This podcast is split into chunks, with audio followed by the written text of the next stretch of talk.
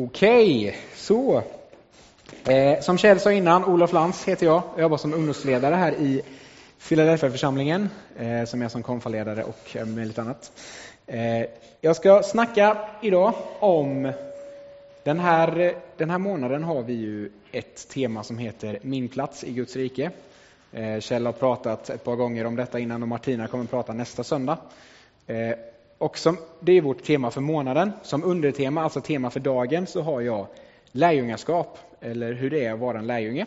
Så jag kommer gå in lite på det. Eh, men jag tänkte börja med att prata lite om vad det innebär, min plats i Guds rike, vad det innebär. Eh, och alla har vi en plats i Guds rike. Var och en av oss har vi en plats här i församlingen, eller i den församlingen man nu är med i. Och de, de platserna ser olika ut från person till person. Eh, kanske ser ut på ett sätt för mig, på ett annat sätt för någon annan. Vissa är med som, eh, och jobbar, som, jobbar i församlingen, som Kjell som jobbar som pastor, eller jag som ungdomsledare. Eh, andra kanske är med och är tekniker, som Filip och där nere. Eh, Medan andra är med och fixar fikat, andra är här och städar. Alla platserna är jätteviktiga. Eh, ingen plats är viktigare än någon annan, utan alla behövs. Eh, och Gud har utvalt var och en av oss till att göra olika saker. Eh, vissa är kallade till eh, pastorer och andra kanske inte är det. Eh, och man har, vi har olika platser helt enkelt. Du kanske inte är säker på vad din plats i församlingen är eller i Guds rike är. Men be Gud att han ska vägleda dig så tror jag att du kommer att hitta din plats. Men det är inte riktigt det jag ska prata om idag, utan det jag ska prata om idag är, någon, är det som de här platserna alla har gemensamt, alltså lärjungaskapet. I alla de här platserna i Guds rike så finns lärjungaskapet. Eh, det är ingen plats som är utan lärjungaskap, utan vad vi än gör i församlingen så är vi, är vi lärjungar till Jesus. Och vad är det att vara en lärjunge? Kanske börja med att kolla vad en lärjunge är för något. Vad, vad är man när man är en lärjunge? Ordet betyder, jag kollade upp ordet och synonymet till ordet är elev, lärling eller efterföljare, alltså någon som följer efter. Eh, och vi följer ju Jesus, så vi är lärjungar till Jesus. Eh, det är någon som följer en lärare, alltså Jesus kan man säga är vår lärare, och lever med den här personen. Eh, man lär sig och inspireras av den här personen. Eh, om, man, om vi går till Bibeln och kollar på Jesu lärjungar, framförallt de tolv lärjungarna, eh, så de, de levde ju sina liv och sen så träffade de Jesus och Jesus sa kom och följ mig. Och då lämnade de allt i sina liv och kom och följde honom och levde tillsammans med honom och fick undervisning av honom. De fick vara med och undervisa folket. Eh, och de var hans lärjungar, de följde efter honom och han lärde dem det han kunde och det han gjorde. Eh, han hade många mer, fler än tolv lärjungar, men eh, de här tolv är de vi vet mest om, de som är kändast.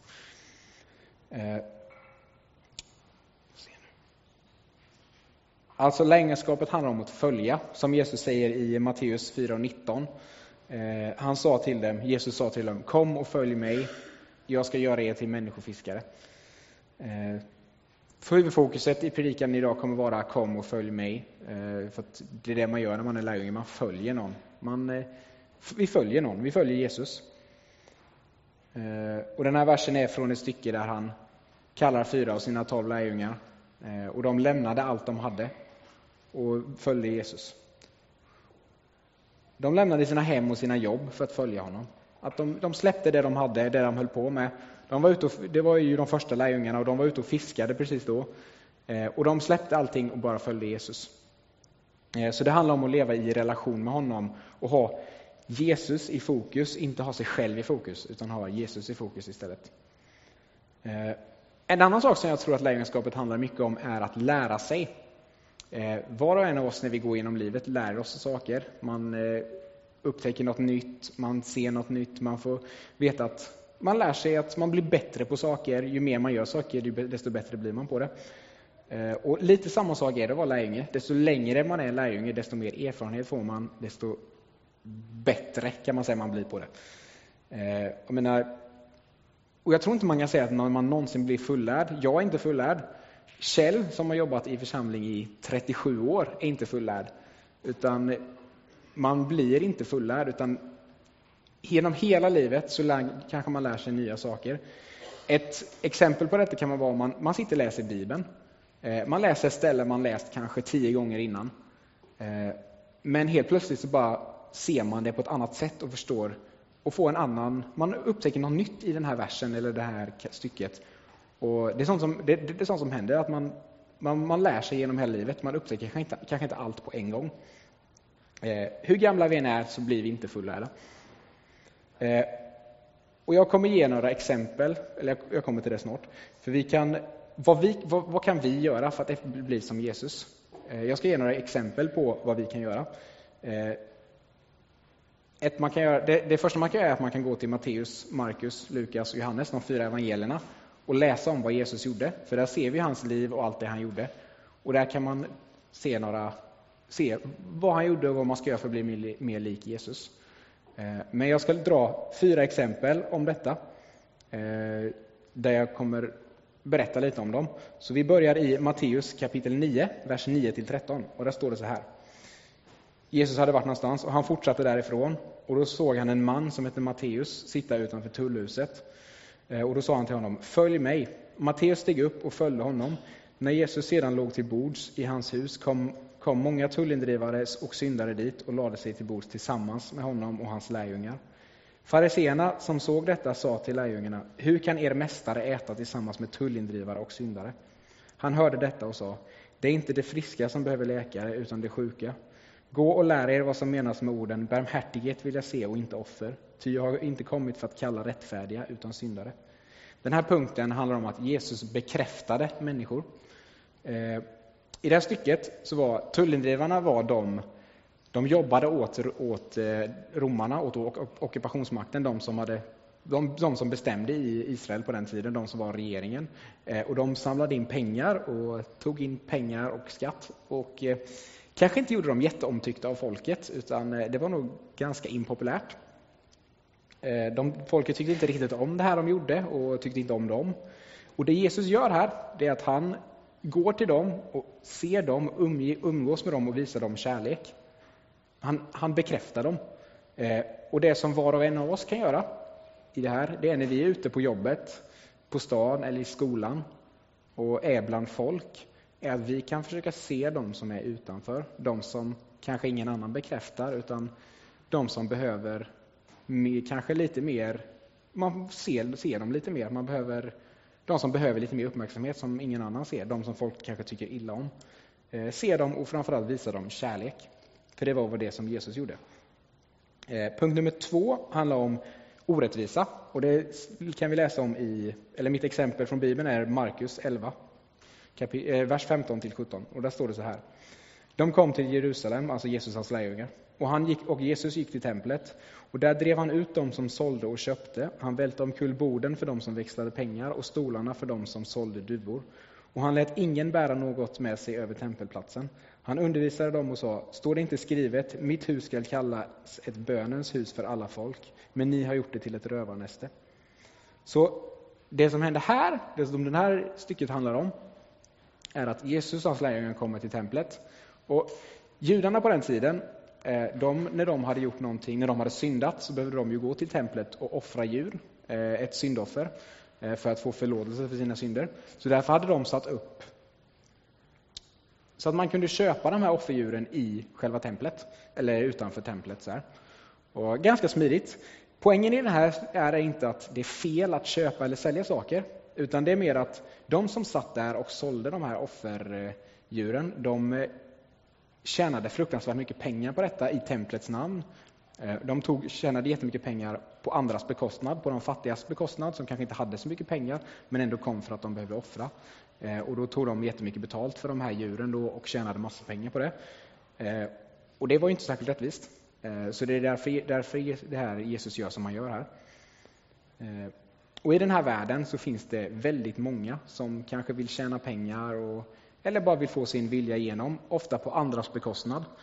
Eh, det finns mycket orättvisor som händer runt omkring oss. Och när vi möter sånt ute i världen, det vi kan göra är att vi kan alltså stå, upp, stå emot det här då, inte stå för det, utan inte vara de som bara står och ser på, utan vara de som säger ifrån. Ett exempel kan ju vara mobbing. Någon, annan, någon gör sig rolig på någon annans bekostnad är inte särskilt rättvist. Och att man inte bara står och ser på, utan att man säger ifrån. Man står upp för rättvisan eh, och gör det som Jesus gjorde här. Eh, se till så att folk inte tjänar pengar eller får sin vilja igenom eller är roliga eller något sånt så att andra blir skadade eller sårade eller på något vis orättvist behandlade. Eh, så det ska man hålla utkik, utkik efter. Punkt nummer tre handlar om att Jesus hjälpte människor. Eh, vi läser från Matteus kapitel 14, vers 13 till 21. Eh, när Jesus hörde detta drog han sig undan och for över sjön till en öde trakt för att vara ensam. Men folket i städerna fick reda på det och följde efter honom till fots. När han steg i land fick han se en stor skara människor och han fylldes av medlidande med dem och han botade dem som var sjuka. På kvällen kom lärjungarna till honom och sa, trakten är öde och det har blivit sent. Låt folket gå härifrån så att de kan köpa sig mat borta i byarna. Jesus svarade, det behöver inte gå härifrån, ge dem något att äta ni själva. De sa, här har vi inte mer än fem bröd och två fiskar. Lämna dem till mig, svarade han. Han sa åt folket att slå sig ner i gräset och han tog de fem bröden och de två fiskarna, såg upp mot himlen, läste tackbönen och sedan bröt han bröden, gav dem till lärjungarna och lärjungarna gav dem till folket. Alla åt och blev mätta och man samlade ihop de överblivna bitarna. Tolv fulla korgar, det som hade ätit var omkring 5000 förutom män och kvinnor. Förutom kvinnor och barn, står det visst. Eh, så här hade de ju varit ute på en ödeplats. Kanske förmodligen ganska långt ifrån närmaste by. Eh, man kan tänka sig att man är i en öken, ingen civilisation någonstans. Eh, och här hade Jesus tagit hand om folket, han har botat sjuka och förmodligen undervisat. Eh, och Jesus här hade Jesus kunnat bara tänka att de får fixa mat själva, de löser det. Och tänkt så. Men istället för att göra det så löser han det. Han bryr sig om dem och fixar mat till dem allihopa. Nu gjorde han det på ett fantastiskt sätt genom ett under som vi verkligen, om vi ska göra det så behöver vi verkligen Guds hjälp. Men eh, poängen är att Jesus såg dem och brydde sig om dem och verkligen fixade det här åt dem. Eh, och både på jobbet, skola, på stan, när vi ser människor runt omkring oss så har ju vi chansen att vara de här som verkligen hjälper andra människor. Eh, gå inte, om, om man går på stan till exempel, gå inte med ett fokus på bara dig själv, utan fokusera på någon som är runt omkring dig så att du ser ifall någon behöver hjälp. Och möter du någon som behöver hjälp, tveka inte utan bara stå upp för dem och hjälp dem. Eh, det kanske inte alltid är det roligaste att ställa upp för någon annan, men eh, Jesus gjorde det eh, och jag tror verkligen att det är någonting som vi skulle göra. Det är ett sätt att visa kärlek, att man bryr sig om andra, också ett sätt att visa på Guds kärlek och visa på Gud genom att vi är de som är runt omkring, ser, är de som är runt omkring i världen och ser andra människor. Eh, och då kommer vi, det för oss direkt till punkt nummer fyra som handlar om att Jesus visade kärlek. Vi läser från Matteus kapitel 19, vers 13 till 15. Eh, sedan kom han till honom, till Jesus då, med barn för att han skulle lägga händerna på dem och be. Och lärjungarna visade bort dem. Men Jesus sa, låt barnen vara och hindra dem inte från att komma hit till mig. Hit till, hit till mig. Himmelriket tillhör sådana som det. Och han la händerna på dem och gick sedan därifrån.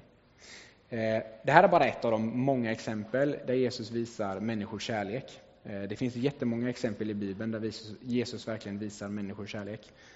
Eh, och många av de bibelorden jag läste innan så visar ju Jesus, så är ju ganska, en ganska stor del av det huvudfokuset kärlek. Eh, det som Jesus gör. Och i en annan sak, där vi, ett annat tillfälle där vi verkligen ser kärleken är i, när de pratar, i Matteus kapitel 22, när Jesus berättar om eh, det största budet, som är att du ska älska Herren din Gud av hela ditt hjärta, av hela din, av hela din kraft, vad står det? Hela din själ och hela ditt, eh, ditt förstånd. Eh, och, och det är det största budet, men efter det kommer ett bud av samma slag. Så att bud nummer två är ju, du ska älska din nästa som dig själv. Alltså kärleken är på andra plats. Eh, och därför tror jag att vi ska ha den i huvudfokus.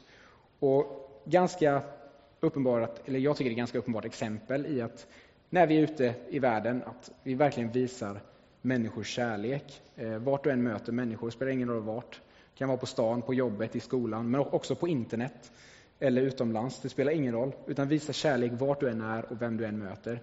Eh, var en sån person som sprider kärlek och glädje. Eh, för då kan vi visa på Guds kärlek och, Guds, och på vem Gud är. Eh, så det här var några exempel på vad man kan göra för att vi ska bli lika Jesus. Men då kanske man frågar sig varför ska man vara en lärjunge? Varför ska man försöka bli lik Jesus? Och jag har ett par saker, svar på den här frågan. Jag har tre svar på den här frågan. Ett är att, att försöka bli så lik Jesus som möjligt och försöka leva så som han levde, tror jag är det bästa sättet att leva livet på. Eh, det finns många sätt som man kan leva sitt liv på. Det finns så många val man kan göra. Vi väljer vem vi ska vara, vi väljer vem vi, hur vi ska bemöta andra, vi väljer hur vi ser på oss själva, vi väljer vad vi ska göra, vi väljer hur vi ska se på andra. Eh, så våra liv kan ju se ut på jättemycket olika sätt. Men jag tror att bästa sättet, hur vi än väljer att leva våra liv på, och bästa sättet att leva våra liv på är att försöka bli sån, bli sån som Jesus. Att försöka bli mer lik honom och följa honom. Eh, jag tror inte du kan få ett bättre liv än om du, lever, än om du försöker leva på det sättet. Eh, anledning nummer två är att, till att försöka bli så lik Jesus som möjligt, är att om alla människor i hela världen hade den inställningen, att försöka vara som Jesus, så tror jag att den här världen skulle bli en fantastiskt mycket bättre plats. Eh, som världen ser ut idag så är det kanske inte en jättebra plats, utan det är så mycket elände, mycket krig, mycket våld, mycket smärta och lidande. Men om alla hade inställningen att göra allt det här, eh, att ha det i fokus, att ha Jesus i fokus, så tror jag vi hade visat så mycket kärlek till varandra att den här världen hade blivit en fantastiskt mycket bättre plats. Eh, och då hade det inte varit så mycket av allt det onda som finns. Tredje anledningen är också ett, vi, har ju ett evigt, vi som tror på Gud och på Jesus har ju ett evigt perspektiv. Eh, livet vi lever här på jorden kommer inte vara för evigt. Utan vi kommer en dag komma till himlen och Eh, få leva tillsammans med Jesus. Och om vi lever, lever på den här jorden så som, genom att som en lärjunge att försöka bli så lik Jesus som möjligt, eh, tror jag att det märks på oss, att alla andra märker på oss att vi har någonting extra, någonting som attraherar folk. Eh, någonting som man vill ha, ha av, eh, om folk som kanske inte har det, vill ha det av det här. Och, och genom att vi visar med hur, vi, hur med våra liv eh, försöker bli så lika Jesus som möjligt, att visa på det i, runt omkring, så tror jag att vi kanske kan få med folk och framförallt också visa på vem Gud är genom hur vi lever våra liv. Genom att vi, när vi försöker bli så lika Jesus som möjligt så visar vi mer och mer av Guds kärlek och Guds omtanke för alla människor. Eh, och på det sättet kan vi få med folk. Och det blir ett vittnesbörd helt enkelt. Vittnesbörd om vår tro eh, i hur ni lever era liv. Eh, så det är tredje anledningen. Och hur blir man en lärjunge om man inte är det? Väldigt enkelt. Om man bara tar emot Jesus, om man bara blir kristen, om man får säga så, så blir man en lärjunge. Eh, Romarbrevet 10.9. Ty om du med din mun bekänner att Jesus är Herre och ditt hjärta tror att Gud har uppväckt honom från de döda, skall du bli räddad. Tar du emot Jesus som Herre och Frälsare i ditt liv, så blir du en lärjunge. Eh, så du, man behöver inte göra mer än det. Så är, tror du på Jesus och att han är Herre och Frälsare så är du en Jesu lärjunge. Eh, så alla de här punkterna som jag har sagt, ha de här i åtanke när vi är ute i världen och att vi försöker vara en bra lärjunge genom att följa Jesus, genom att bli så lik honom som möjligt. Ha Jesus framförallt, eller Jesus och Gud i fokus, inte er själva eller någon annan, utan ha Gud och Jesus i fokus. Eh, och det här var bara några exempel på vad Jesus gjorde. Vill ni veta mer av de här exemplen så ta och läs i de fyra evangelierna.